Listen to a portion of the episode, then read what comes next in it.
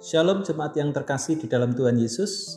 Penuntun saat teduh Sinode Gereja Kristen Jakarta hari ini, Minggu 6 Maret 2022, dengan judul Tuhan adalah penebus kita.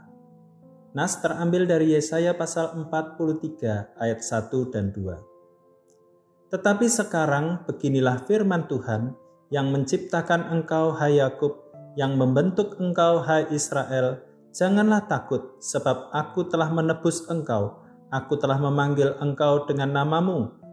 Engkau ini kepunyaanku.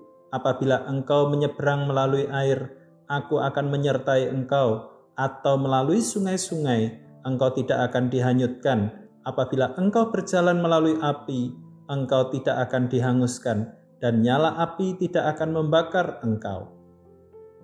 Manusia dapat hidup 40 hari tanpa makan, tanpa air bisa bertahan hidup tiga hari. Tanpa bernafas bisa bertahan hidup 4 sampai 8 menit. Tapi manusia tanpa harapan bisa mati hanya dalam satu detik. Dalam kesesakan, manusia membutuhkan pengharapan bahwa Tuhan akan memperhatikan dan menolongnya. Hal ini dialami bangsa Israel Pasal-pasal ini ditulis selama tahun-tahun akhir hidup Yesaya.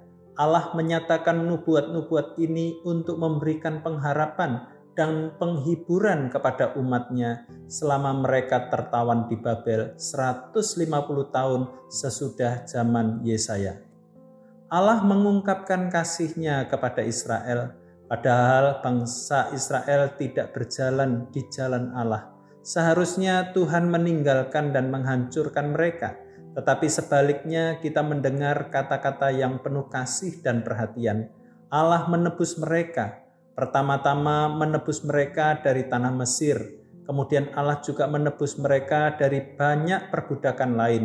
Karena kasihnya dan belas kasihnya, Yesaya 63 ayat yang ke-9 Terlebih lagi ia akan memelihara mereka yang ditebus dengan darah anaknya. Allah sendiri telah memanggil kita dengan nama kita, bentuk dari keintiman dan perhatian khusus dari dia kepada kita. Karena anugerahnya kita adalah miliknya. Tuhan memiliki minat khusus kepada kita karena karya Kristus. Kita adalah milik Tuhan sehingga tidak perlu takut kepada siapa atau apa yang menjadi lawan kita Janji itu adalah untuk semua orang yang jauh, sebanyak yang akan dipanggil, diselamatkan, dan menjadi ciptaan baru oleh Tuhan kita. Tuhan menyertai gerejanya, karena itu jangan biarkan dirimu dikuasai oleh ketakutan. Bahkan virus Omikron sekalipun tidak dapat memisahkan kita dari kasih Tuhan. Tuhan telah menebus kita. Ia terus mengasihi dan memelihara umatnya kita adalah buatan Allah, diciptakan olehnya untuk pekerjaan baik. Efesus 2 ayat yang ke-10.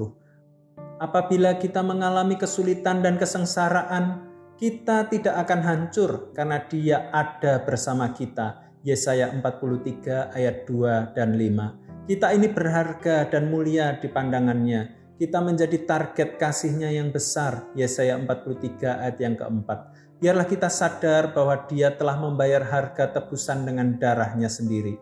Kesadaran itu kiranya menolong kita untuk memuliakan Dia dengan melakukan pekerjaan baik yang disediakan bagi kita. Tuhan telah menebus kita karena kita berharga di matanya. Selamat beraktivitas, Tuhan Yesus memberkati.